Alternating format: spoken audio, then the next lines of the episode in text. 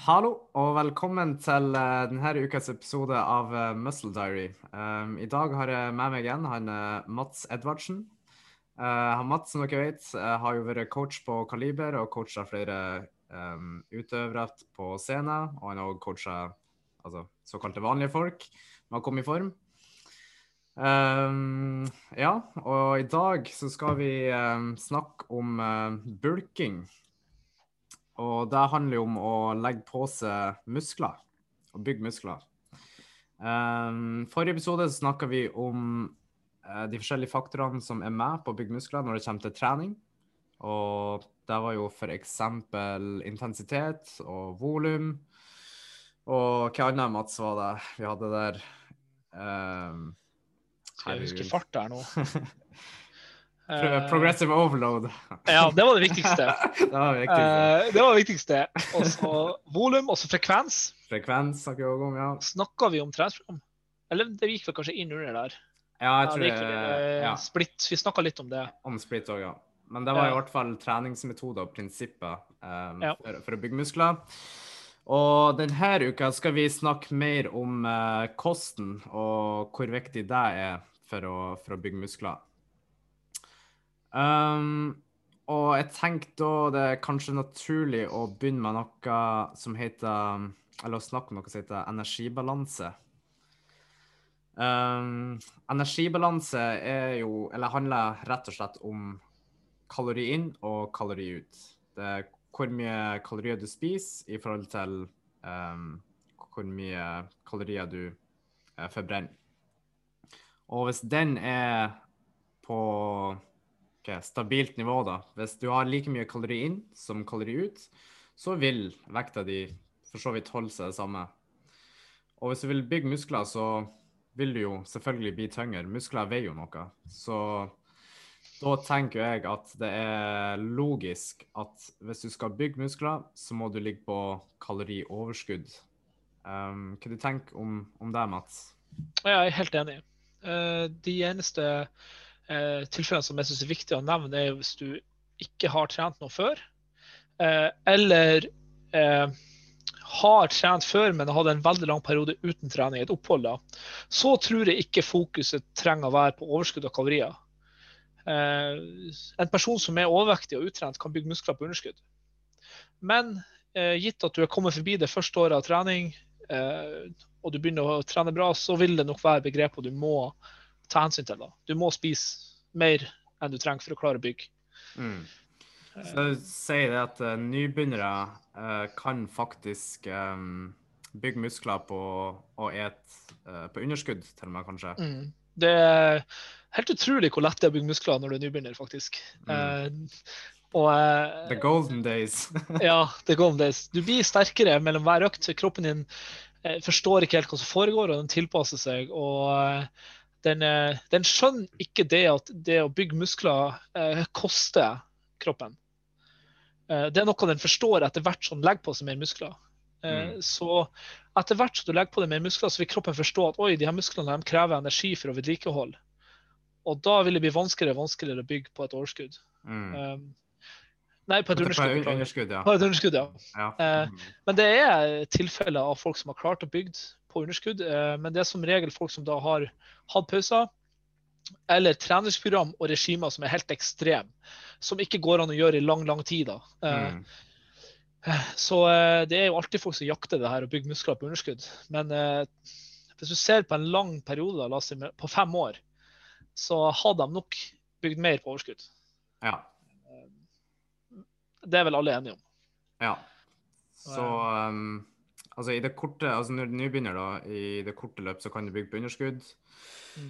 Og jo lenger karrieren din er i bygging, og hvis du har trent um, Mm. stabilt da, i fem år, så, så må du kanskje uh, ligge på overskudd de neste fire årene for å ha framgang i muskelvekst. Da. Ja, jeg tror, eh, jeg tror det, uten tvil. Mm. Det- Alt tilsier det. Uh, ja. Um, har du noe formening om hvor, eh, hvor stort overskuddet burde være?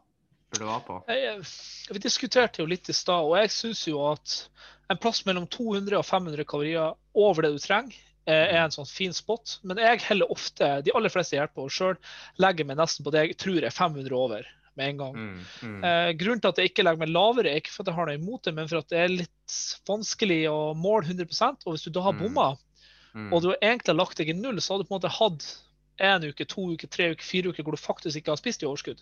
Ja. Og jeg liker ikke å kaste bort tid, da. Uh, Mm. Så jeg vil jo prøve å være så optimalt som mulig. Uh, men det som er, hvis du ligger på 500 i overskudd om dagen, så er det 3500 kalorier i uka. Uh, som, hvis du regner om til fett, kanskje blir en 400 gram fett i uka. kanskje. Så du Mhm. har ikke lyst til å komme så mye over det, da. Mm, Hvis du ligger på 700 kalorier eller 900 kalorier overskudd, eller 2000 kalorier overskudd, så legger du bare på deg mer fett.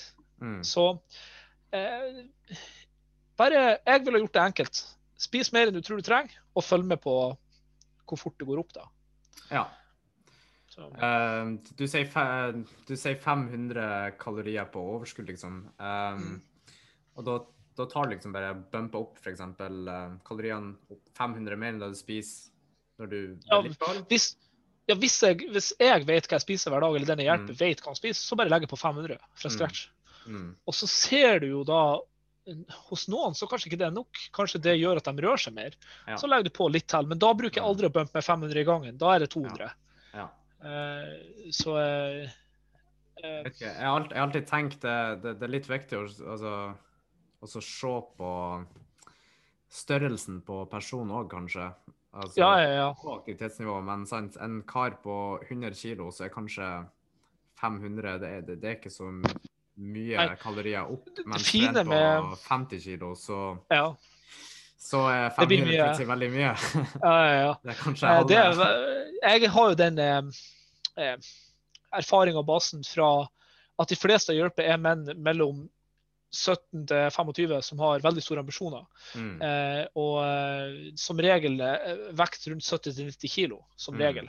mm, Eh, jeg har ikke masse erfaring på menn på 50 kilo, eksempel, men hadde jeg kommet en på 50 kilo, så har jeg nok ikke starta på 500 i overskudd fra dag én.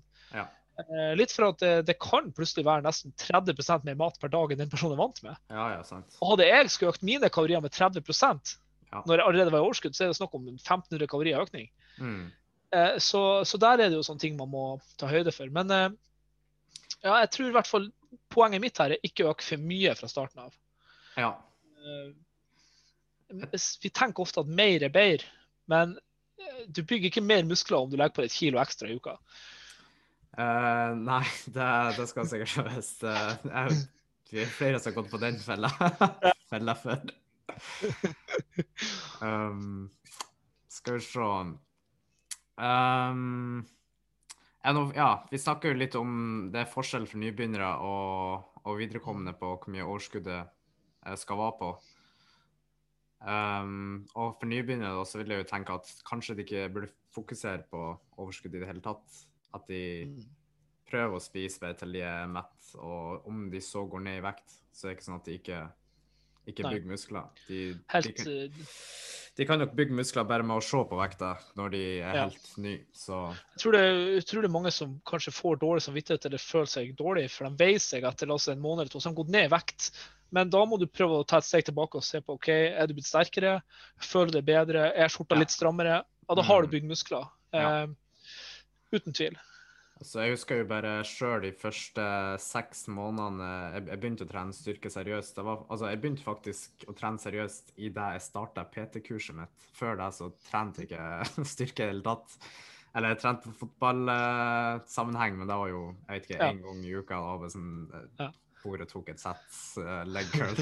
Så liksom ah, fuck det. Beinpress uh, og eh, biceps curl. Ja, sant. Men jeg husker jeg fikk eh, ikke sjuke resultater i form av hvis du ser noen som står på ei scene, men altså for meg, fra å gå fra å ha overflødig fett til å liksom se ganske mye konturer av en sixpack og armstørrelse som ikke har Så jeg gikk jo ned, jeg tror seks eller sju kilo på fire måneder. Uh, men armene så bra mye større ut, og plutselig kom altså så jeg konturer av en sixpack for, for første gang. Ja. Liksom, på, ja. Ja, ja. Så jeg kunne ned i vekt og bygde muskler samtidig, og på, på underskudd. da. Ja, Så men, Jeg tror jeg det med mindre du er nybegynner, så trenger du ikke å Altså, du, når du er forbi nybegynnerstadiet, så må du i hvert fall vet jeg hva det betyr å være på kalorioverskudd, og at det er viktig for å, for å bygge muskler. Helt enig. Yes. Um, skal vi se. Uh, når du snakker om kalorier og sånne ting, da, det er jo gjerne en kombinasjon av protein og uh, karbohydrater og fett.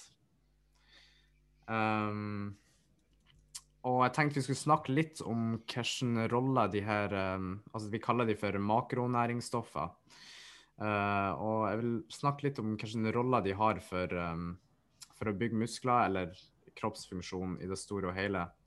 Mm. Og jeg tenkte å kunne begynne med protein. Jeg kan nevne at uh, ett gram protein er jo fire kalorier. Det regnes om som fire kalorier. Og uh, jeg ser jo på proteinet som egentlig et, Jeg liker å tenke på det som byggestein til alt av celler vi, vi har i kroppen, egentlig. Det er det, det, som bygger klosser. Og, og, hvis vi tenker spesielt muskel og muskelvekst, så liker jeg å se for meg protein som en, uh, en murvegg, egentlig.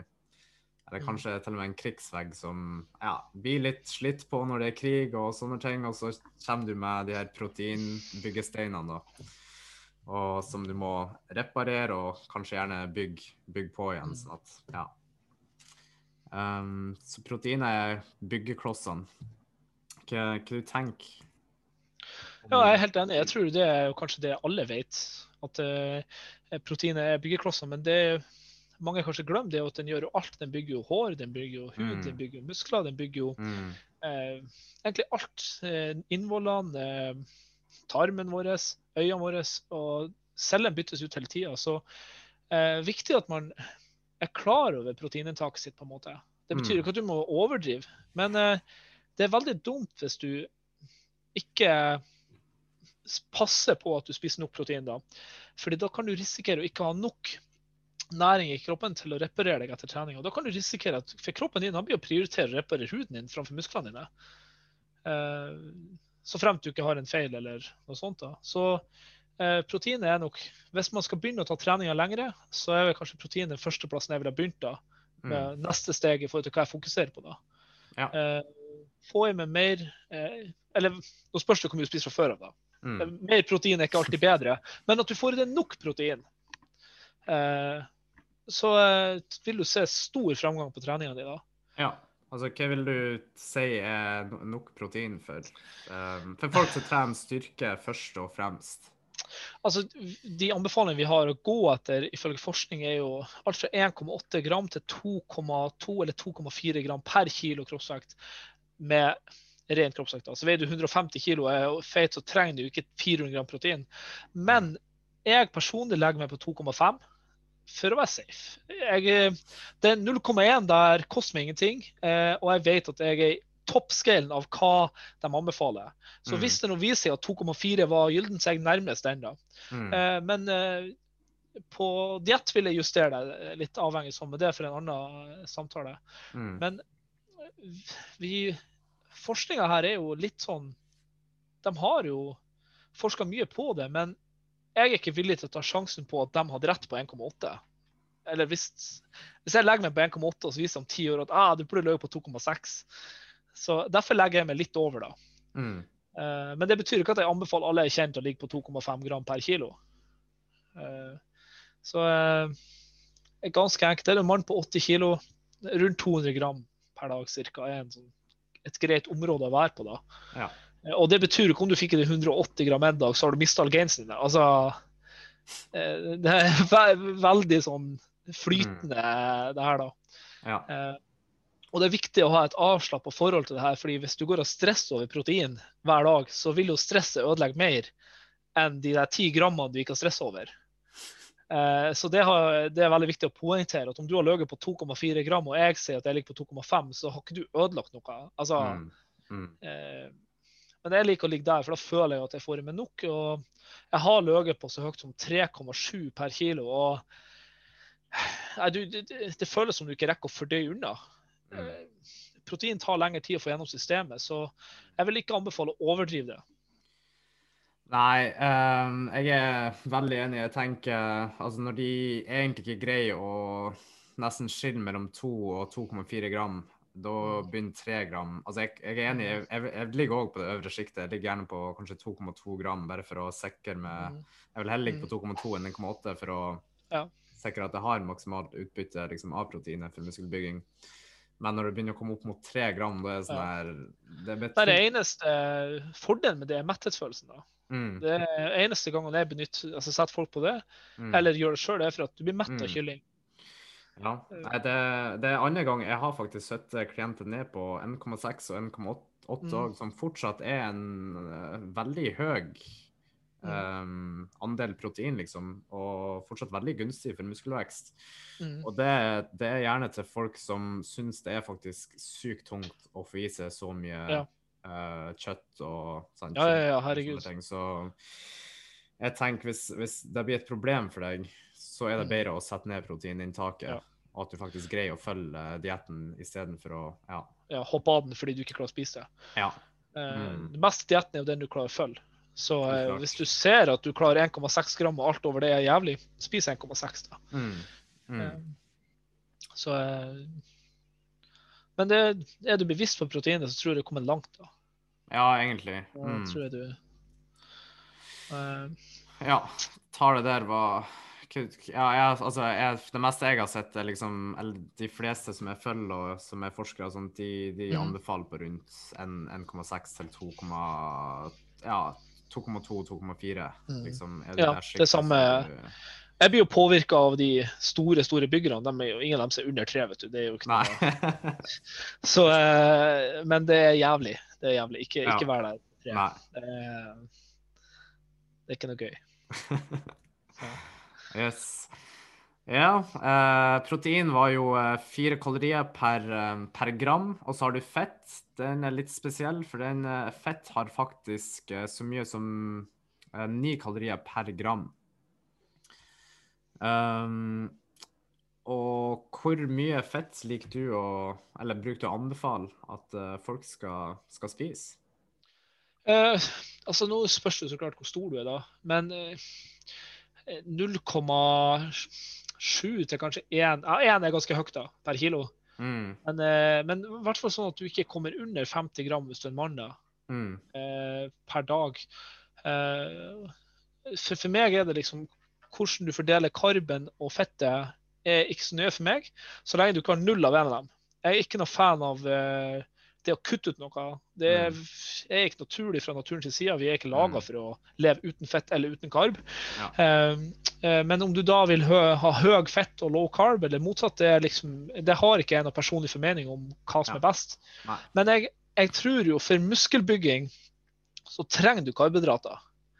Eh, og det er ikke optimalt om å gå via fettet for å få karbohydrater. Det forsvinner mye i den prosessen. Eh, det er jo sikkert en egen episode hvor du skal gå inn på det at fett kan gjøres om til karbohydrater. Og, så. mm, Eh, og det, det er en tungvint vei å gå for kroppen din, og du vil jo gjerne at den skal du vil jo gjøre det enklest mulig. Det er jo det vi prøver. Vi prøver jo å Mm. finne de beste måtene å få ting gjort på. og mm. så eh, 50 gram og opp til hva enn kalorier du ligger på. Eh, og på karb, det avhenger jo av den andre faktoren. da. Ja. Så eh, der har jeg ikke noe sånn fasittall. Hvis jeg har noen som elsker egg og bacon, og, så kanskje de ligger høyere enn jeg ville gjort. Eh, Men Jeg tror ikke det er fettet som avgjør hvor langt du kommer. Nei. Nei, jeg er helt enig. Der tror jeg personlig preferanse er egentlig eh, det viktigste. Så lenge kaloriene dine er eh, der de skal være, og proteinet er Den burde jo være fast på 1,6 til 2,4 f.eks. Der burde den ligge uansett om du Mm. har high carb eller low carb. Men jeg tror når, når det kommer til fett og karbohydrater, så kan du egentlig velge litt sjøl om du vil ha mest karbohydrater, resterende kar eh, kalorier fra karbohydrater eller fett. Det tror jeg egentlig er, Ja. er ett fett. Jeg er helt Um, enig. Jeg vet ikke, har du tenkt på det er noen fordel med karbohydrater i form av muskelbygging som fett kanskje ikke har, eller Ja. Ja, altså Hvis du trener, så tømmer du jo det er Grunnen til at du blir sliten etter treninga, Mm. eh, eller mens du trener, er at du tømmer energilagrene i muskelen. Mm. Og kroppen kan fylle opp de energilagrene på flere måter. Eh, Den kan fylle opp ved å ta karbohydrater du har i blodstrømmen med en gang. Mm. Eh, Den kan ta fett du har lagra på kroppen din, eller i verste fall ta brytende andre muskler og fylle opp. Og vi vil jo ikke bryte muskler for å fylle opp uh, musklene våre. Det er jo kjempedumt å miste leggene dine for å fylle opp bicepsen. Mm. Uh, hadde vi kunnet, så hadde vi jo kutta ned på størrelse på beina og bygd legger, men det, vi kan ikke velge. Uh, så vi vil jo unngå det, og da må vi jo ha tilgang på næringa. Og problemet hvis man skal bruke fett som kilde til å fylle opp, er at det tar lengre tid. Og vi vil jo gjerne at muskelen skal få ny næring så fort som mulig, sånn at den kan reparere seg og Mm. bygge. Og bli Mm. klar til å prestere igjen. Mm. Og det er der karbohydrater er suveren, da. Eh, Mm. Det er jo masse myter om at lavkarbo er så bra, bla, bla, bla. Men hvis du har vært på lavkarbo og prøvd å trene tungt over mer enn én dag, så lover jeg du blir å skjønne at det er forskjell. Mm. Karbohydratene funker sånn, Mm. eh, og kroppen kan utnytte dem mye raskere. Så karbohydratene vil jeg si dominerer når det gjelder eh, å fylle opp næringa i musklene. Ja. Eh, Men det som vi, som vi snakket om i stad, at når du spiser dem, er ikke så viktig som vi kanskje tenker. Mm. Mm. Så lenge du har dem i, i kroppen. Så om du har Ja. spist eh, to timer før, eller Altså, det vinduet retta til trening, som vi henger oss opp i det. Det er ikke så viktig som vi før trodde. Mm. Mm. Eh, Det er ikke sånn at du må ete karb og protein fem minutter etter økta, så mister du gainsen din. Ja. Men hvis du ikke har spist på mange timer og drar på trening, så anbefaler jeg at du får i deg noe kjapt. Mm. Så at kroppen kan begynne å reparere seg. Ja. Nei, for jeg, altså Jeg tenker jo Det jeg tenker på karbohydrater, jeg tenker det er kanskje den foretrukne energikilden kroppen eh, velger å bruke når du har eh, anaerob eh, aktivitet. Og anaerob aktivitet er jo um, altså at du Intensiteten er så høy at du greier ikke å få nok energi med å ta energi fra fett. Og da må du ha raske energikilder. Og karbohydrater er mye raskere. Og du har jo noe som du nevnte, glukogen, som er lagra i muskulaturen vår. Mm. Så det er jo der vi henter energien ifra når vi har den tunge eh, styrkeøkta som vi har på gymmen. da. Og der er jo, jeg tror det er ca. 350-500 gram sånn gjennomsnittlig da på et, et vanlig menneske. Går den opp i takt med vektøkninga til en person? Altså, Altså, et, den går vel opp i det du får um, større muskler, f.eks. Men Ja. hvis du har en treningsform hvor du bruker mye karbohydrat, altså uh, anaerob ja. trening, så går um, lagringskapasiteten opp.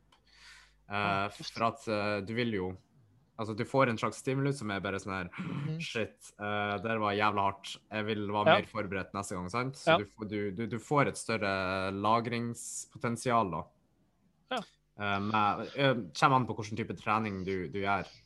mm. Så går du bare turer en time om dagen, så tror ikke. Men uh, kjører du mye intervalltrening, f.eks., altså har du in intens Ja. trening hvor du bruker mye karbohydrater, så vil kroppen prøve å tilpasse med å få større, større lager, da. Ja. Mm.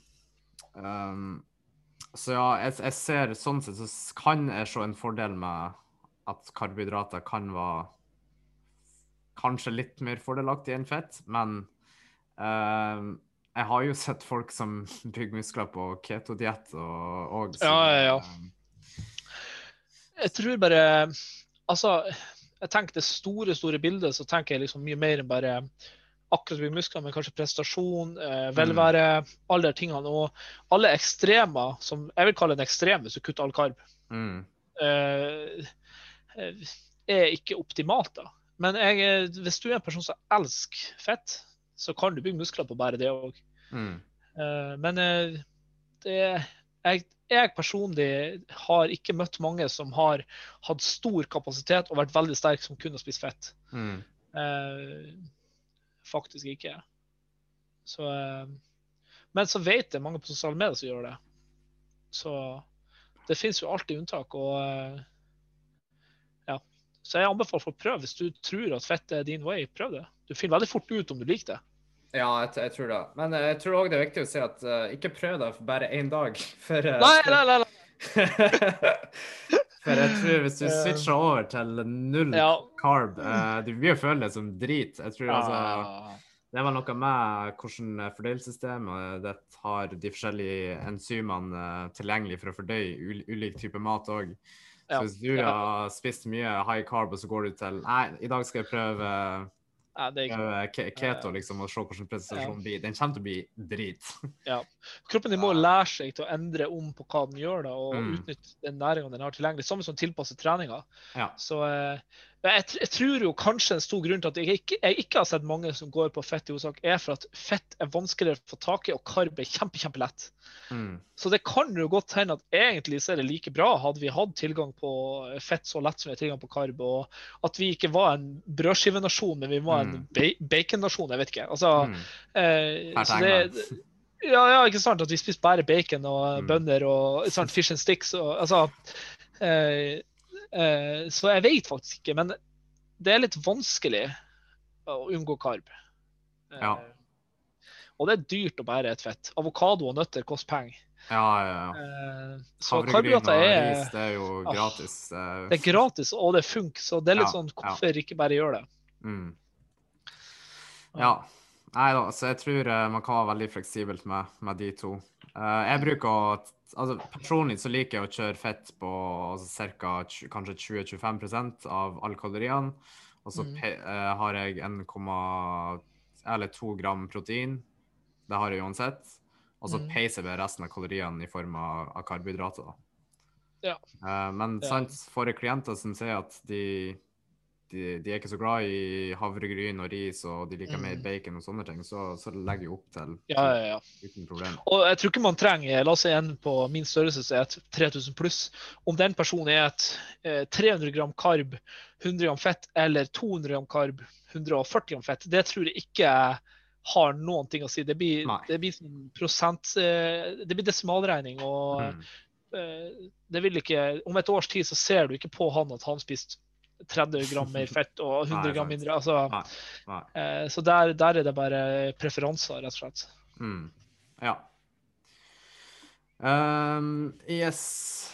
Um, et annet ting som kanskje kan ha innspill på muskelbygging, er jo eh, antall måltider eh, per dag. Skal du spise ett måltid, to? Eh, klassiske bodybuilder-diett er jo gjerne seks, sju Jeg har sett åtte, åtte måltider for dag òg. Ja. hva, hva, du, hva du tenker om, om det? Uten tvil best med åtte måltid hver dag. Eh, Det jo, eh, og en shake på natta. En sånn du står opp om natta, så drikker du en shake. eh. Altså, Nei, jeg, jeg, jeg, bruker, jeg bruker jo å drikke veldig masse vann før jeg legger meg, bare sånn at kroppen våkner kroppen våkner opp for at jeg må pisse, og så tenker jeg OK, nå må jeg ta en shake òg. Og du har bare én shake om natta. Jeg, har, nei, eh, altså, jeg, tror at et sted mellom tre og fem er nok mest sannsynlig det mest optimale. Eh, mye under tre, da tror jeg du eh, Da velger du din onde, da. Altså, har du to måltid per dag, så velger du kanskje bort det som er optimalt for f.eks. akkurat styrke, eh, framfor preferanse eller andre ting. Passerer du fem, så tror jeg ikke nødvendigvis du får noe mer effekt mm, enn en på fem og fire, men det er kanskje hvis du liker å spise ofte og du hater å bli mett. mm, Ok, Men hvis du begynner å trekke deg la oss si, enda lenger enn seks, du begynner å komme til sju, åtte og ni, og du er en person som ikke har så mye kalorier å gå på, så begynner det faktisk å bli negativt igjen. For da begynner måltallene å bli så små mm, at du kanskje ikke får 70 ganger proteinsyntesen tilstrekkelig. Så mm, eh, jeg vil si at fire er et fint tall, og pluss én minus én er veldig greit. Eh, men det er viktig å få fram eh, at du må ha i deg nok gram protein i måltid for å få i gang den prosessen i kroppen som er at du bygger muskler. mm, Eh, Så eh, du kan ikke Antall måltid har ikke så mye å si. Det er hva du spiser når du spiser. mm, Eh, Det vil ikke hjelpe å ha ett måltid med kjøtt, og så har du sju måltid med ris. mm, Eh, hvis målet ditt er optimalt å bli muskler. Eh, så eh, jeg liker eh, på de jeg hjelper, fire til fem, men jeg sjøl spiser tre.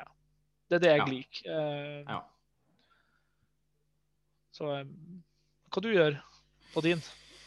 Um, jeg ligger vel på fire, og jeg er helt enig egentlig med alt du sier. Jeg tror um, du har ikke noen fordeler med å spise Altså, det jeg tenker meg egentlig Det som er viktig med frekvens på mat um, Da tenker protein først og fremst. At jeg må ha like mye protein i Eller ca. like mye protein i, i hvert måltid. Og grunnen til det er at La oss si jeg skal spise skal se, Nå er jeg eh, nesten 70 kilo. Da skal jeg 100 og Hvis jeg ganger det med Sa jeg 170 kilo? Nei, jeg sa 70. Nei, du sa 70. Du sa 70. Ja. Eh, så jeg må jo ha Hvis jeg ganger det med to, så må jeg ha 140 gram protein. Og lett å si et for alle de 140 gram proteinene i løpet av ett måltid. Mm. Jeg spiser bare ett måltid i dag. Uh, noen som gjør det òg. Jeg kjenner ikke jeg kjenner ikke personlig noen som gjør det, men jeg vet at det er folk som òg Mm. har liksom reklamert for ett måltid om dagen. OK, så har forskningen sett på hvor mye um, protein kan du spise i løpet av et måltid for å uh, maksimere eh, proteinsyntese.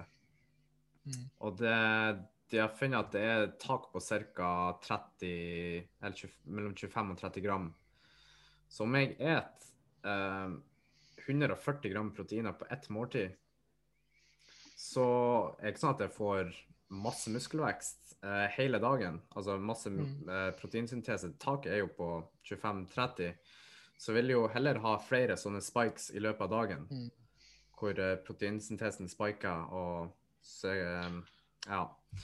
Jeg tror det er en, eh, en god analogi for det der er litt den der murveggen du snakker om.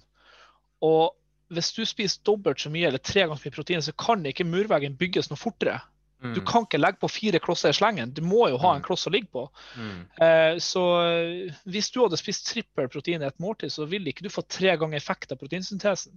mm, Eh, den kan bare reparere én kloss om gangen. ja.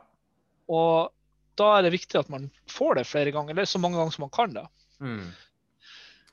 Uh, der, derfor kan jeg liksom forstå at folk sier ja, du burde spise altså bodybuilder, eh, gamle bodybuilder Mm. måten å spise på, at du liksom har fem eller seks, sju måltider om dagen, at du får flere spikesen. Men eh, da begynner igjen å gå over til kanskje et annet problem som tid tilgjengelig. Mm. Eh, hvor, hvor mange kjenner du som har tid til å spise åtte måltider i løpet av en dag? Uh, Ja, du, jeg har jo tid nå når jeg ikke er på arbeid, så kan jeg jo spise åtte ganger om dagen. Men jeg gidder jo ikke det engang. Nei, sant. Så uh, du uh, Nei, det der eh, Hvis du liker det, herregud, ja. Men eh, det, det vil ikke gjøre deg noe bedre enn om du spiser fem. Nei. Eh, Det kan jo være viktig å nevne at sånn som jeg som spiser tre gram jeg har, eh, Grunnen til at jeg på en måte tror at det går fint å ha fremgang, er jo for at et måltid til meg, som er, hvis jeg har ett mål, nei, tre måltider, så er de større enn hvis jeg hadde fem. Og Mm. kroppen vår bruker litt tid på å fordøye og bryte ned. Eh, Mm. Så eh, jeg tror eh, fint det går an å spise mindre enn fem måltid og få optimale resultat, men da er også Mm. spørsmålet hvor lenge er du våken løpet en dag da? Mm. Eh, jeg er sikkert våken mindre enn deg som jobber på båt og sant, er ute og farter hele dagen. Eh, jeg er våken 12-16 timer om dagen nå. ikke sant? Mm. Eh, skulle jeg ha spist fem måltid, da, så er det jo to, så er to og en halv time mellom hvert måltid. Mm. Eh, spiser jeg en stor kyllingfilet, så er proteinsyntesen i gang lenger enn to timer. Ja. Så eh, der har du litt sånn personlige preferanser og Mm. hvordan livet ditt er, og hvor mye tid du har. Ja. Eh, jeg liker å være sulten når jeg spiser. Jeg syns det er nice. Mm. Eh, og jeg liker å bli mett når jeg spiser. Jeg har ikke lyst til å spise masse mellommåltid. Mm. Så Ja, hele tida det jaget om at du må liksom ha Ja. mat i Ja. Mm. ja, det er slitsomt. Ja, jeg er helt enig. Eh, personlig så ligger jeg på fire nå, og så har jeg eh, gjerne med meg alltid en eh, proteinbar i sekken, bare altså skuen og bli sulten eller et eller annet, så Ja. er det et femte måltid, men det er ikke noe sånn Ja. hokus, uh, hokus pokus. Og jeg tror det viktigste er at ja, jeg bruker også å si helst tre, minimum tre. Mm. Bare for å få delt proteinet nok, noenlunde, i hvert fall, uh, Ja. utover dagen. Og om du, jeg, tror ikke det, jeg tror heller ikke det er noe stor forskjell om du er tre eller fem eller seks, for å være helt ærlig. Nei, så Hvis vi skal snakke om det her med to eller mindre, så har jeg gjort det sjøl på diett. Eh, Men da er det sånn, da er ikke målet muskelbygging, da er ikke målet prestasjon. Målet er å overleve nærmest og bli i en sånn form som er best mulig. Og da, eh, da er det andre faktorer som kanskje blir viktigere. Eh, Mm. Og problemet er søvn ofte. Og da er det ofte at folk spiser færre måltid, for da kan måltid bli større. Mm. Og et stort måltid kan mette lengre. Eh, Mm. Da er det da at du velger å spise sjeldnere for å få sove bedre, f.eks. Men når vi er på bulketema, så skal ikke det være et problem. Nei. Hvis du sliter med å sove fordi du er sulten, så spiser du for lite uansett. Ja, ja, ja. Eh, det er ingen vei rundt det. Hvis du våkner om natta fordi du er sulten, så bulker du ikke. Det er bare Mm. å glemme. Mm. Eh, så kun hvis du må tisse, er unntaket. Du begynner å bli eldre. Så eh, det er normalt. Det er normalt. Det har ingenting med bulken å gjøre. Så eh, jeg ser nå fokuset min der, ja. Tre til seks måltider, og du velger sjøl egentlig hva som passer livsstilen din best, da. Ja. Um, ja. Um, vil du si det er noe viktighet i hvor tid du spiser karbohydrater og fett og sånt i løpet av dagen, eller hvordan du fordeler på måltidene? Og protein, Nei, altså- proteiner for den saks skyld òg. Proteiner har vi jo Jeg tenker proteiner er hele tida, på en måte. Ja, Eh, du prøver å fordele jevnt. Ja, så jevnt som det lar seg gjøre. Jeg, jeg legger ikke bort en halv kyllingfilet og spiser med yoghurten til frokost. for at Ja, eh, Jeg regner ikke på grammene sånn finregning. Men, Nei, eh, men jeg syns det er greit å få tilførsel av ny karb Mm. ganske kjapt etter trening. Mm. Eh, Jeg merker at jeg restituerer meg bedre, og jeg er klar til å prestere oftere. Jeg kan ha flere harde økter per uke når jeg er flink på det å få meg næring etter trening. Mm. Veldig sjelden jeg dagen etterpå kjenner at muskelen er så gåen når jeg er flink å spise. Ja. Uh, men, men fettet, det, er egentlig ikke, det tenker ikke jeg over. Jeg er Nei. glad i ting som har fett i seg, så jeg vet at jeg får i meg nok. Uh, så, men jeg vil si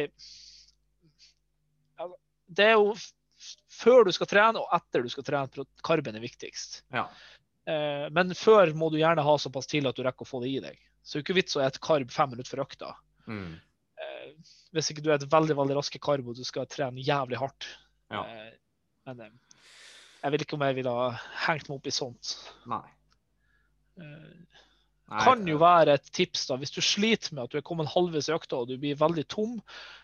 Ta eh, neve rosiner eller ha noe sånt tilgjengelig. Mm, Eh, det kan være at du faktisk har for lite eh, karb i kroppen, ja. eh, men det, på bulk burde det ikke være noe problem uansett. Nei, det, det tenker jeg òg. Men jeg liker òg å tenke i hvert fall å fokusere karbohydratene rundt, rundt trening, egentlig, før, før, og, før og etter. Jeg vil, som du sier, på bulk så er det nesten Det skal ikke, egentlig ikke være et problem, men jeg vet ikke, det er bare en vane jeg har lagt meg til, liksom. For når jeg skal ned i vekt, så, så liker jeg å konsentrere karbohydrater rundt trening, for da, har, da vet jeg at nå har jeg eh, drivstoff liksom til treninga, og så har jeg, kan jeg fylle på drivstoffene igjen når treninga er ferdig og du er tømt. Helt enig. Um, Jeg tror det er det som Jeg tror det er det de fleste gjør. Du, Mm. Det er jo gjerne etter trening du er ganske sulten på sånt. og Ja. Så det er kanskje det mange nye ikke er vant med, det er å få i seg noe bra næring en time eller to før trening. Mm. eh, Som man kan ta med seg fra Ja. det her. da. Mm. Jeg vil ikke anbefale å spise mye rett før. Eh, ikke bra å spise. Kroppen bruker mye energi på å fordøye mat. Eh, så hvis du spiser et veldig stort måltid rett før du er på trening, så vet du òg, alle som har trent en tung Mm. økt, at det er ikke optimalt. Du kan bli kvalm og du kan bli dårlig. og Det er rett og slett for kroppen har for mye å holde på med. Ja, altså eh, hvis du tenker på sånn eh, muskler, for at de skal altså, greie å gjøre noe stort og hele, de trenger oksygentilførsel. Mm. Og blodet pumper oksygenet til den muskelen. Hvis du spiser etter et stort måltid før du skal trene, så skal du fordøye den maten, og det krever òg energi, og det krever Ja. oksygen. Det er ingen ingen som tenker på det, egentlig. Nei. Så istedenfor at de musklene skal gå til fordøyelsessystemet ditt for at uh, det skal fungere optimalt, så skriker musklene Altså, de, de blir jo vinner vinne den diskusjonen. Mm. Uh, de må ha oksygen her og nå, for nå Ja. er det 200 kilo på ryggen som skal Ja, ja. opp, liksom. Uh, ikke jeg, da Jeg, jeg vet du løfter Ja. 200 kilo på ryggen. Det, er ikke jeg. Ja, det veier jo mer, så det hjelper jo. Ja. Nei, Det er faktisk en ting som jeg merker jo mer eldre blir. at det, Spis før trening, men gjerne en time før. eh. Mm. Men der finner du jo personen ut. Kanskje Mm. to timer er nok for deg, kanskje tre, kanskje en og en halv, kanskje en halv. Ja. Men jo nærmere trening du kommer, så burde du ikke ha så utrolig mye mat i magen. Eh, Mm. eh, For kroppen vår er ikke så god på å multitask på den måten. da. Nei. Eh, Så eh, det er i hvert fall mitt tips. da. Det er som å ha to kjærester. Du kan bare Det er ikke Det var optimalt. Det er bare én som kan få oppmerksomhet. Ja. Blir jo sur og andre. Mm. Uh, ikke at noen av oss noen gang har hatt det. Bare, eller jeg vet ikke om deg da, Mats, men uh, jeg er i hvert fall Nei, nei, nei. nei, nei, nei. med på noe sånt. Bare snill gutt. Det er bra. Um, ja. Eh, Neste jeg vil snakke om, det er altså Når du er på bulk og du vil bygge muskler, hvor mye vil du gå opp i vekt per måned? Um, ja, egentlig, hvor mye muskler du, ser du for deg at du skal bygge, og hvor mye vil du gå opp i vekt per, per måned? Ja, altså, her er det jo veldig sånn hvor lenge du har trent, eh, hvor stor du er, alder. Eh, er du 70 år og veldig lav og lett, så er jo mindre. Men la oss si vi snakker om det. Kan, kan, vi, kan vi begynne med en nybegynner, da, f.eks.? Ja, nybegynner eh, 18 år. Jeg vil anta at en nybegynner på 18 år kan bygge opp imot 250-300 gram muskler i måneden. Mm. Eh, kanskje mer. Eh, og det, det høres kjempelite ut for en som har lyst til å bygge 10 kilo på en måned, men det er jo, det er jo opp imot ja, det blir jo, Hvis du bygger 400-500 gram i måneden, så er det 6 kilo i året. Mm. Eh, I ren muskelmasse. Og jeg tror ikke folk skjønner hvor mye det er faktisk i Mm. ren muskelmasse. Eh, så eh, alt over 250 gram syns jeg folk burde være veldig veldig fornøyd med. Eh, Men det er jo det at kroppen vår klarer jo ikke å bygge eh, bære muskler. Dessverre. Vi skulle ønske det. Eh, Mm. da må man jo ha implementere andre ting i kroppen som vi ikke er så fan av. Og vi snakker jo gjerne til de som velger å gjøre det her naturelt eller uten steroider. Ja. Og, eh, så jeg tror et sted mellom For en nybegynner av 250 til 500, da er du god, da. Da har du bra gener og du gjør en god jobb. Du gjør en god jobb. uh, tror jeg. Men går du opp i vekt òg, da, som nybegynner? Nå snakker vi først og fremst om, om nybegynner. Du kan, men du må ikke. Mm. Eh, som nybegynner så kan du bygge muskler uten å gå opp i vekt. Du kan gå ned i fett og bygge muskler samtidig. Ja. Eh, for kroppen din eh, skjønner ikke helt hva som foregår. Den bare opplever en belastning på musklene og tenker at vi må bygge mer muskler. Muskler er et relativt nytt begrep for kroppen din. Den har ikke så masse fra før, og den har den kun til de helt vanlige funksjonene. Mm. Eh, så etter hvert som du bygger mer muskler, så skjønner kroppen at oi, de her de krever mer eh, vedlikehold, de krever energi. De gjør at alt det vi gjør, koster mer. Mm. Så etter hvert som du trener, så vil det bli vanskeligere og vanskeligere å bygge. Men det første året så trenger du ikke å ha et fokus på å gå opp i vekt. Ja. Eh, Så du, du trenger egentlig ikke å ligge på kalorioverskudd engang, som, som egentlig Nei. er et tema gjennom Nei, du trenger ikke det, for at kroppen din eh, tilpasser seg eh, ikke så fort at det tar altså, Den bygger muskler først. Ja. Og så skjønner den at oi, eh, det her øker kaloriforbruket vårt, vi trenger mer næring. Mm. Eh, Så uh, ingen grunn til å henge seg opp i det. Men heng deg opp i å spise nok protein. Ha et proteinoverskudd, da, hvis du vil. Mm. Mm. Uh, og, uh, så vil jeg heller ha Det er faktisk litt art... Unnskyld at jeg avbryter. Nei, det går helt fint. det er litt for jeg- altså, Når du snakker med folk som er nye, og de liksom Ja, de vil dra på gymmen, vil trene, bygge litt muskler og sånne ting. Så ja, du må liksom, protein er veldig viktig. Og så sier de liksom Ja, jeg bruker jo å skinka skinker på brødskiva, liksom. Og det, det er liksom ei, ei skive skinke. Det er Ja, ja, det... ikke, er, er det to, to gram protein, liksom? jeg, vet, jeg vet ikke hva Ah. ei skive er engang, men, men det er jo skinke er jo et veldig bra Du skulle ikke tro det egentlig, så med tanke på Altså, i hvert fall sånn, hva jeg er vant med. Jeg har aldri tenkt på skinke som et sånn sunt pålegg, egentlig. Nei, men det er Men, egentlig men det er jo det er veldig rent. bra. Det er Det er rent og liksom. det er kjempebra. Men problemet er jo at du må gjerne ha 150 gram i deg for å få proteinsyntesen i gang. Ja, jeg husker jeg hadde kanskje ikke 150, men 100 gram i hvert fall. Og det er nesten en hel pakke, og det er ikke Ja. så digg på ei brødskive. Eh, Eh, jeg husker jeg hadde en um, Hva heter det? En realization. Ja.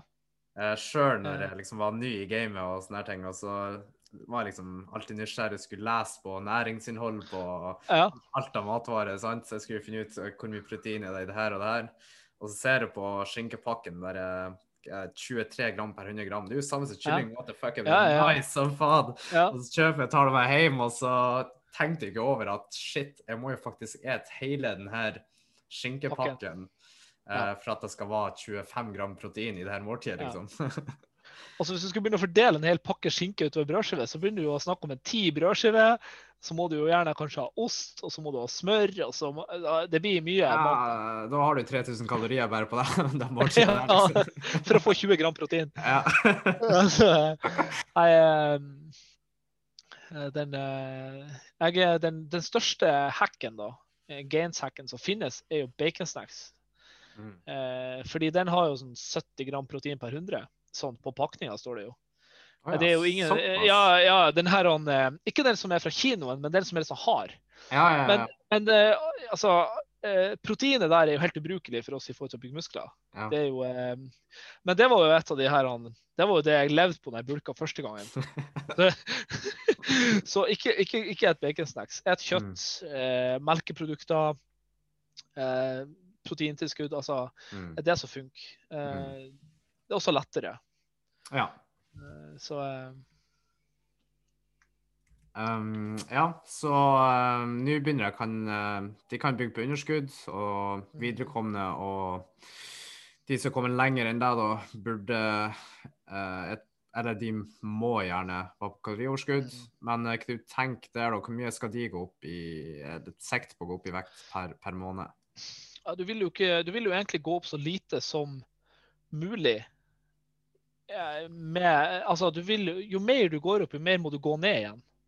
Mm. Eh, og jo mer du legger på deg over det du legger på deg musklene, må du slanke bort. Som da vil koste deg tid. Så mm. et eller annet sted på mellom 0,2 kg til 0,5 i måneden. Og grunnen til at jeg ikke ser 0,1 til 0,2, er for at det er nesten umulig å måle det og følge mm. med på det. Mm. For det er jo bare at du tisser litt mindre en dag, så hadde du plutselig ikke gått opp eller ned. Ja. Så et halvt kilo i måneden er sånn sweet spot, syns jeg. Eh, mm. fordi hvis jeg skal være realistisk, da, la oss si jeg går opp et halvt kilo i måneden. Det er mm. seks kilo i året. Jeg klokker opp ikke seks kilo muskler i året. Mm. Så det sies jo sjøl at alt over det vil være fett. Mm -hmm. Som jeg da må slanke bort når jeg skal på kaloriunderskudd. Ja. Så, eh, så lite som mulig, men ikke så lite at du står stille. At det ikke er målbart, rett og slett? Ja, du må, ha, du må merke Men så klart, jeg ville anbefalt at du måler en gang i uka, men ikke at du forventer vektøkning hver uke. Mm. Uh, så liksom, hvis du ser etter fire uker at det ikke har skjedd noe, spis 200 kalorier mer, f.eks. Ja. Prøv. Mm. Uh, juster underveis. Ikke bump opp 1000 kalorier og få panikk. Ja. Nei, jeg tror òg det finnes en, egentlig en balanse. Altså, det må være litt det må være målbart. på Så hvis du går to, kanskje, eller en måned uten at vekta forandrer seg, så tenker jeg, eller den står mm. stille, så burde du nok øke kalorioverskuddet ditt. Mm. Uh, altså oddsen, hvis du er avansert og ikke går opp i vekt på en måned, så er du jo i teorien ikke på et overskudd. Mm. Uh, men grunnen til at jeg ikke stresser etter ei uke, er jo for at hvis du har målt deg en dag og har litt mer vann i kroppen mm. og ikke gått så mye på do, så vil mm. jo det kan påvirke 1-2 kilo. Men det kjenner jo folk. Du kjenner jo deg sjøl såpass. altså hvis du når du holder på og du kommer til det nivået vi snakker om, så vet man jo hvordan vekta si varierer. Mm, mm. Uh, og uh, at man kan faktisk manipulere vekta òg hvis man vil. Ja. Bare veie det litt senere på dagen uten å ha spist, så plutselig så er det gått ned. Og så, ja. så så lurer, det, det, du sier, det lurer kanskje å se på vekta i løpet av en måneds tid for å se framgang, mm. eh, ja. istedenfor bare i uka, da. Ja, og så veier jeg om morgenen mm. etter å ha vært på do, ikke på kvelden med klær på etter et måltid. Eh, mm. Det er jo sånn typisk eh, bulkere og generfolk. De veier seg på kvelden. ikke sant? Og, det, og veier det på din egen vekt hjemme. Ha mm. likest mulig ramme hver gang. Ja. Eh, La minst ikke... faktorer som kan påvirke ja. vekta. Liksom. Ja. Det er konstant, konstante eh, faktorer hver gang. Ja, du har kontroll på dem. Mm. Og kjenner du en dag at du er skikkelig gående, at du må på do, og sånn, at du ikke er klar til å gå på do, og kaffen hjalp ikke, ikke vei det den dagen, da, for da får du en fiktiv høy vekt mm. eh, som både kan lure deg den dagen, og som vil straffe deg neste uke du veier deg. Mm. Eh, for da har du plutselig gått ned et kilo igjen. For at, mm. å, herregud, jeg har gått ned et kilo, og så har du egentlig ikke det. da. Så jeg vil ta målinger med en klype salt. Derfor ikke jeg er sånn nazi på at etter to uker eller ei uke eller tre uker. Jeg vil følge med på flere faktorer. Hvordan du føler deg, hvordan styrken går, eh, mm. hvordan du ser ut, hvordan klærne passer. Ja. Eh, så eh, Det tror jeg er enklere. Ja, eh, jeg tror eh, Jeg er helt enig. i Det veldig viktig å, liksom heller se, prøve å se litt det store bildet, og ikke bare se på den uka og bare ta det tallet og tenke oi, shit, nå går jeg opp eller ned den Ja. uka her, så det betyr at jeg er ikke på kalorioverskudd eller underskudd, liksom. Ja. Uh, så kanskje gi det litt, litt mer tid se en, prøve å se trenden mer enn uh, en bare et, et, det lille bildet, liksom. Ja. Um, jeg tror kanskje det er viktig å få fram ett til poeng. Um, jeg tror vi toucha det òg. Um, det her med at OK, hvis vi kan La oss si capen er på 250 gram, sant? Eh, muskel Mm. vi kan bygge på en måned.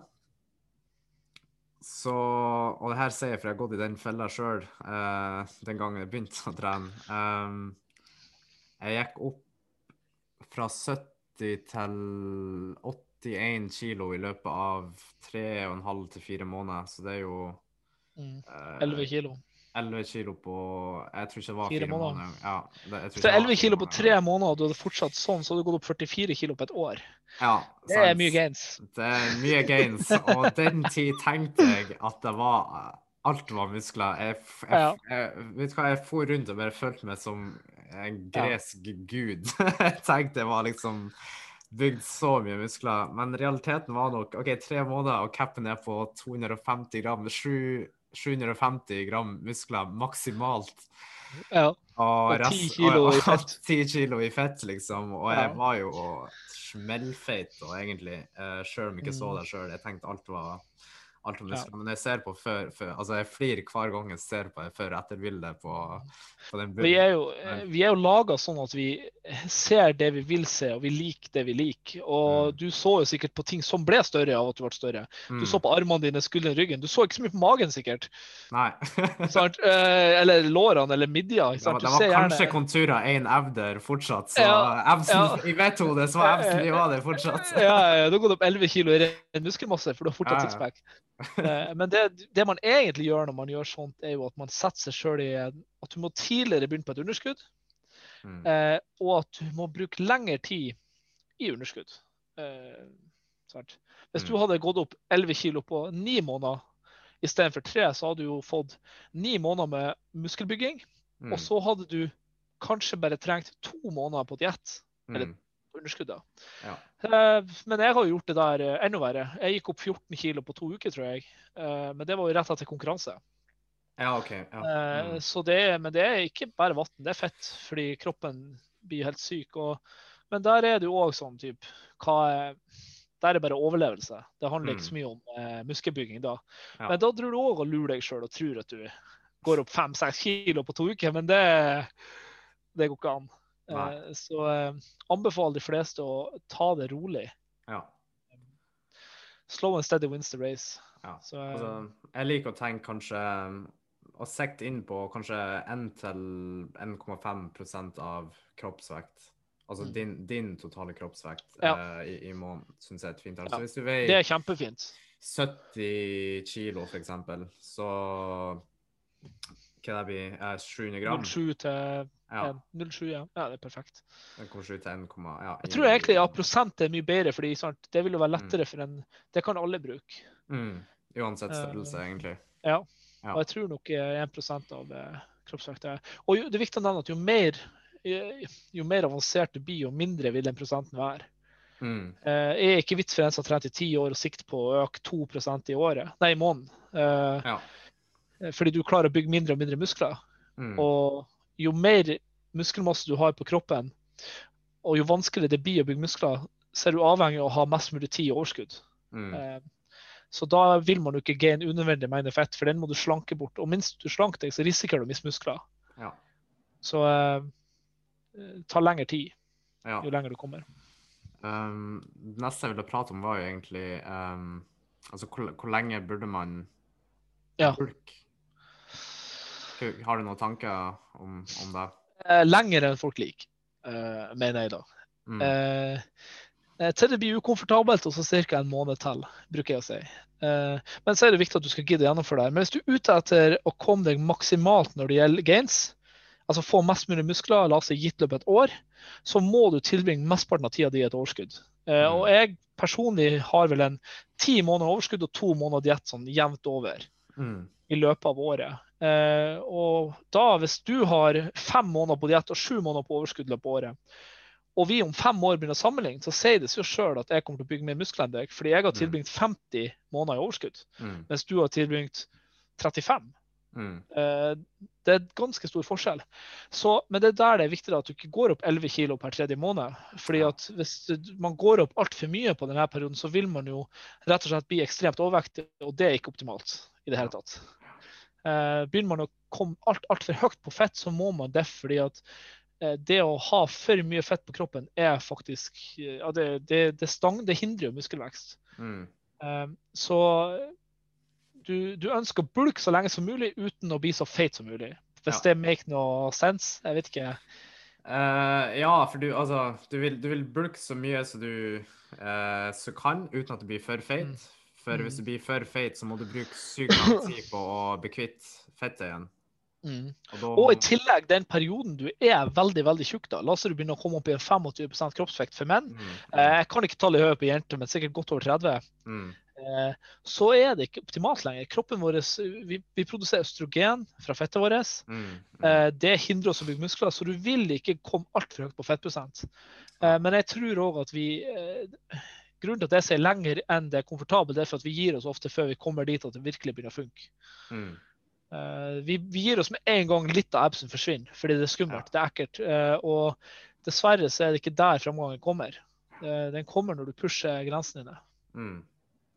Vil du si at det her gjelder for, for alle som Eller er det mer for eliteutøvere, eller hvordan er det for Altså En nybegynner trenger bare dra på trening spise protein. Ja. Eh, og han trenger ikke å tenke på noe av det her. Ikke heng det opp i bulken, ikke heng det opp i om Mm. det er sommer eller vinter. Tren så tungt du kan og spis protein, og du blir å ha tonn mer framover enn alle vennene dine som henger seg opp i karb protein og fett. Eh, for det har ikke så mye å si. Men når du begynner å passere år én og to, mm, så begynner det å ha noe å si at du er på overskudd. Ja. Eh, rett og slett. Eh, det skader jo så klart ikke å spise på overskudd når du er nybegynner, men om du blir bedre, det vet jeg ikke. Eh, eh, du får som resultat uansett at Ja. så, eh, Men eh, Mm, jeg tror eh, Hva skal korte ned, da? Burde bulk eh, mest mulig.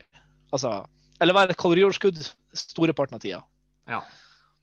Det var, var en byggende fase med den Mm. største delen av året. Altså, Ja. Det makes jo egentlig sense når du ser Ja. det sånn, at uh, Ja. Du vil bygge mest mulig, bruke mest mulig tid på, på bygging. Og bygg, Ja. Ja. Mm. Eh, Men det er viktig å kanskje si at Lasse er du en som trives på 80 kilo Og, altså på min høyde er 80 kilo ganske slankt. da. Mm. Eh, og liker at, du liker å ha en garderobe og du liker å ha sixpack eller ikke hele året, så er det helt greit. Det er ingenting feil med det. Det er helt Mm. fantastisk. og da du da har du liksom nådd målet ditt, at du kan være der. Men Mm. hvis målet ditt er å bli større, så må du faktisk velge bort det. Du kan ikke ha sixpack hele året og Mm. samtidig jakte å bli 90 kg. Mm. Uh, eller du, kan, du kan gjøre hva du vil, men jeg lover at du blir aldri kommer i mål da. Mm. Uh, så da må du velge bort det du vil ha nå, for det du vil ha senere. Mm. Uh, og, um, så, så, så klart det er ingenting feil med å være 50-50, altså 50% på overskudd og 50% på diett. Men i denne podkasten snakker vi gjerne om hva som er optimalt for å bygge muskler. Ja. Eh, og, ehm, og vi blir aldri fornøyd. Da må du ofre sixpacken Mm. Mest, mestparten av året, kanskje. Ja. Ja. Eh, dessverre. Dessverre. Det er godt òg, da. det er godt å spise litt. Ja, det er fantastisk. Herregud. Eh, jeg har sikkert hatt sixpack ett år til sammen på mine ti år, så eh, det er ikke noe å skryte av. Så, det, var ikke, det var ikke det jeg trodde da jeg begynte med det her. Jeg trodde jo jeg skulle ha sixpack hele året når jeg kom til hit, men nei, det, Det, det er ikke så artig. nei, det er vondt og det er kjipt. Men det er Ja. noen som er heldige og klarer å ha eh, lavere fettprosent uten at de må, må jobbe så mye for det. Men det er jo veldig, det er jo veldig individuelt. Det er det. Altså, jeg tror poenget er sånn her Hvis, hvis jeg ville beholdt sixpacken, så hadde det egentlig vært en veldig enkel jobb, egentlig. Eh, men hvis altså, nå- Når vi snakker om bulking, og du vil legge på deg mer muskler, så må man kanskje Jeg tror det er viktig for mange å vite at man må komme seg over den kneika at du blir kanskje litt, altså litt overflødig fett på kroppen. Da må du bare Mm. regne med at det, det kommer med Ja. bulken og muskelbygging. Og Ja, hvis du du ikke det. greier å komme deg over den kneika, så blir du kanskje ikke å få den Da blir du, du- platået, da. Du kommer Mm. til å bli stuck, og du kan trene så mye du vil, men du Jeg tror du lurer deg sjøl hvis du tror at du kan beholde sixpacken og ha like mye framgang. mm, Og mm, det, sånn er det bare. Jeg, jeg har møtt så mange gjennom min tid som har vært sånn her type lean gainers, eller Mm. lean bulk. ja. Jeg jeg vil bare egentlig kalle det en ineffektiv og lang bulk, hvor de Ja. bruker tre år på å gå opp i tissue gjør på et halvt år. ja. Men de har jo da så klart sixpack hele veien, og det er viktigere for dem da enn framgangen. Og da er det sånn For meg så er det, det er helt greit. Men det er viktig, jeg tenker at det er viktig at du vet det sjøl. At du vet at det går an å gjøre det uten å bli feit, men du bruker sikkert seks ganger så lang tid. Mm. Og da Det er helt greit. Så lenge du vet å velge det, så er det liksom Da er det, Ja, ja, ja. vet det er opp til deg. Men eh, det, det er viktig at folk er klar over det, i hvert fall. Ja. Ja. Mm. For at uh, Vi snakker ikke mye om linbulk, og det er ikke for at ikke det funker, men det, det, er, det er ikke like effektivt. Nei. Uh, enkel matte, egentlig. Ja. Nei, men da tror jeg egentlig vi har gått gjennom det, det mest Nei, du, jeg har én siste ting jeg vil prate om, hvis, hvis du har tid. Ja, Jeg har tid, jeg har tid. jeg har tid. Um, og det er hvordan, er noen annen måte du kan eh, måle muskelvekt um, annet enn uh, vekt i seg sjøl, liksom? At du ja, er på vekt Framgang, eller at du Ja. Ja, fra, framgang og Eh. mus muskelvekst. Eh, jeg måler det mest i styrkeprogresjon. Det der er jeg, det er min hovedbenchmark. Eh, Mm. men uh, viktig for meg, jeg tenker ikke bare på enere. Eh, fordi Mm. enere kan du manipulere ved treningsprogram, og så kan du bli sterkere enere uten å ha blitt større. Mm. Så jeg tenker, hvis du blir sterkere på reps fra 1 til 10, Mm. altså du tar en tier med ny vekt, du tar en femmer med ny vekt, du tar en ener med ny vekt, så vet du at du bygger muskler. Mm. Eh, men også, jeg liker speilet. Uh, rett og slett ser det ut som jeg har framgang. Og det er jo vekta mi, styrken Mm. på trening og speilet jeg bruker. Ja. Og så eh, har jo du en annen, du, er to andre du vil ha nevnt. Eh, ja, uh, altså jeg vet Dexa kan òg bli brukt. Det er kanskje ikke så veldig relevant for folk flest, for det er jo en vel, uh, Altså det er en maskin som jeg vet ikke, sender strål, Den sender vel stråling gjennom kroppen din, og så møter den på Mm. vann eller Ja, det, Eh. det sender jo eh, elektriske impulser fra tomlene til Ja. stortåene. Ja. Og så eh, avhengig av om du har fett, muskler, vann, så vil det gi Mm. motstand. Ja. Så kalkulerer maskinen ut fra vekta du har plottet inn, hvor lang tid de signalene bruker, avhengig av hvor mye motstand den møter. mm, Og da gir deg et sånn estimat på hvor mye muskler, hvor mye fett, hvor mye vann du har. ja. Uh, uh, nøyaktigheten på de er vel uh, Jeg vet ikke hvor, hvor nøyaktig de er. Altså, jeg hørt at Dexa kan ha, pluss-minus 5 altså 5 feil Mm. på, på beregn fettprosenten blant annet. Det kan bli ganske mye. Ja. jeg, som vi snakka litt om det i stad, jeg er ikke så fan av de fordi du kan få forskjellige målinger når du tar flere på rad. Mm. Eh, den kan fortelle deg at du har bygd tre kilo muskler på en måned. Eh, men hvis man tar den som for det den er, og det er et verktøy, det er, en, det, det er gøy. Det er samme som et pulsbånd. Mm, Forteller jo ikke hva du har forbrønnet. mm, Den vet jo ikke det 100% men det er Mm. estimater. Ja. Så kan det være et bra verktøy. Det er veldig artig for mange å få det svart på hvitt at de har bygd et kilo muskler. Mm, Men så klart, har du ikke blitt sterkere, har du ikke blitt tyngre, og ser du ingen forskjell i speilet, så har du ikke bygd muskler om den sier at du har bygd fem kilo muskler. Nei, godt poeng. Eh, så, så det er sånn Jeg vil si at den er liksom Det er bare sånn ekstra. Ta en gang i året, for eksempel, bare for å se sånn her, har jeg det svart på hvitt. Men Mats er så viktig hvis du greier å lure sjøl og du føler deg bra. Ja, det er jo det viktigste. Det, Er ikke det? altså, for alle Lenge du tror det, så er det det viktigste. Ja. Ja eh, faktisk. Men eh, hvis du trener tre ganger i uka, og Dexan sier at du går framover, og du er fornøyd med det, så er det liksom Det er helt greit. Ja. Eh, Men, eh, men jeg ville ha brukt vekt, styrke og eh, speil. Mm. Og så snakka vi litt om målbånd, da. At det, det kan være et greit verktøy, i hvert fall for jenter. da. Eh, Mm. For det er ofte at vekta står stille. Det er ofte at styrken kanskje ikke øker like fort, og at man ikke ser så mye forskjell. Og Da Mm. kan målbånd være et greit verktøy å bruke. At du måler fem forskjellige punkter på kroppen, Mm. eh, og følger med at centimeteren går opp eller ned, avhengig av hva du ønsker. Mm. Bulking så Eh. opp, da. Ja, bulking så vil jo helst bli større, og da burde Ja. jo centimeterne dine gå opp. Mm. Eh, men men eh, hvis du ikke øker styrke, så ville jeg anbefalt deg å slutte å fokusere på alt det andre og heller bruke mer energi på treninga di. Mm. Eh, for at centimeter, kilo, eh, det har ingenting å si i det store og hele hvis ikke du Ja. prøver å løfte mer. Nei. Eh, Nei, jeg tror òg styrke er en veldig Altså, jeg bruker òg styrken som ho, altså, hovedmålen for framgang i muskelbygging òg. og jeg vet ikke, en måte jeg liker å tenke på det, det er at um, Altså, jeg ser for meg mus muskelen, eller muskelfibre, som eh, Sant, du har eh, flere Altså, én fiber er ett tau. Og jo mm. flere tau du har festet til en bil, og folk drar i de tauene, Ja. eh, jo mer kan du, kan du liksom Bra. Du kan dra en, en, en tyngre bil, da. mm. Så jo mer hvis, hvis du har en større muskelfiber, da, så vil det gjøre at du òg har en sterkere muskel. Ja. Så for meg så makes det sense at eh, større muskler, du blir sterkere. Ja. Det er jo så klart noen som har tynne bein og tar 200 bøy, og noen som har kjempestore bein. og tar, Så ja. der er det, men, men ikke heng det opp i at eh, hva han andre har slags styrke. Mm. eller hva andre, Heng på Mm. deg sjøl. Hva tok du på fem i forrige Mm. uke, forrige måned? Mm. Prøv å slå det. Bare prøv å slå deg sjøl på et eller annet vis. Mm. Så trenger du ikke Dexa eller målbarn eller vekt eller noe, Nei. Nei. Eh, faktisk. Men det fine er jo å bare ha litt ekstra øye på vekta di. og Mm. så, så ser du det. Men så klart, ikke mist nattesøvnen din for at du ikke gikk opp 0,2 denne uka. Ja. Eh, Det, det er ingen som husker hvor mye de gikk opp eh, uke tre og fire i 2013, det året de bulka. Altså, eh, det har ingenting å si. Mm. Eh, Så du eh, Men tenk på styrken, da. Ja. Yes. Nei, da hadde, da hadde jeg ikke mer mat. Men kanskje vi skulle uh, oppsummert litt uh, kjapt um, på slutten Mhm. her nå. Så eh, bulking handler rett og slett bare om å bygge muskler. Og bulking handler jo da gjerne om kosten. Vi har jo snakka om trening og hva som skulle til der, men bulking handler veldig mye om kosten òg. Eh, vi har snakka om uh, proteiner, fett og karbohydrater, om at du burde helst um, fordele proteinene jevnt utover måltidene. Eh, karbohydrater og fett kan du egentlig ta litt på personlig preferanse, om du liker et mye karbohydrat eller fett.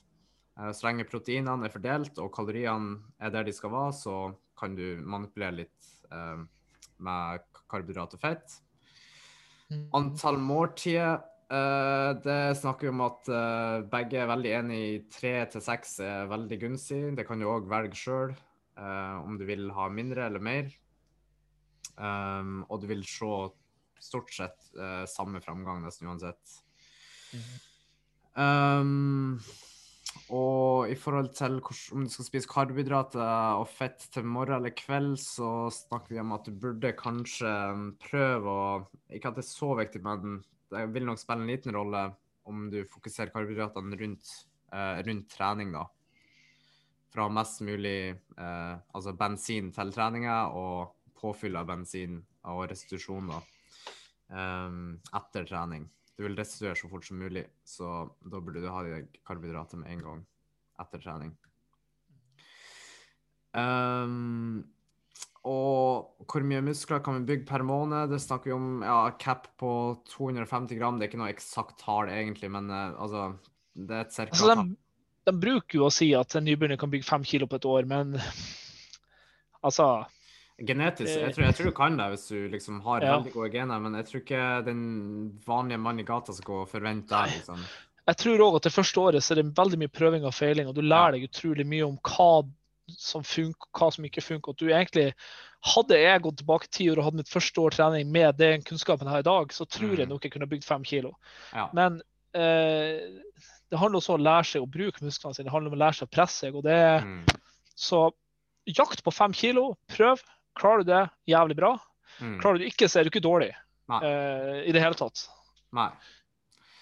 Uh, og så var det viktig å ikke gå for fort opp. Um, Ja. Altså i en såkalt dirty bulk, da, som um, mange har inkludert meg sjøl og, og, og deg òg. Yes. Har gått i den fella hvor du går opp for mye vekt for fort, og du tror alt er muskler, men egentlig så er 95% av det bare fett. som jeg måtte bruke ganske Altså, det var seks måneder med steinhard diett og ikke festing og ja. for å liksom komme tilbake til Etter tre måneder. Etter, ja. Det var helt sjukt. Det var Ja. Jeg Men du lærer, man lærer av det, og jeg tror all lærdom er, er bra. Ja, helt klart. Jeg lærte at jeg aldri skal gjøre det igjen. Så ja, gå opp eh, sakte, men sikkert, og ikke for sakte, ikke for fort. Og, bru og bruk eh, styrke kanskje mest som eh, måling på framgang, da, Mm. eh, av muskel eh, muskelframgang. Mm. Um, ja, nei, jeg tror det var det var det for denne gangen, Mats. Eh, Yes. takk, takk til igjen for at du tok deg tida for å Det er bare koselig. Ja. Um, jeg skal sikkert ha deg med igjen på en annen episode litt seinere. Um, Ja, så Jeg er med. Inntil da så får du ha en fortsatt uh, fin kveld. Du òg. Vi snakkes senere. Det, det gjør vi. Ha det bra. Hei då!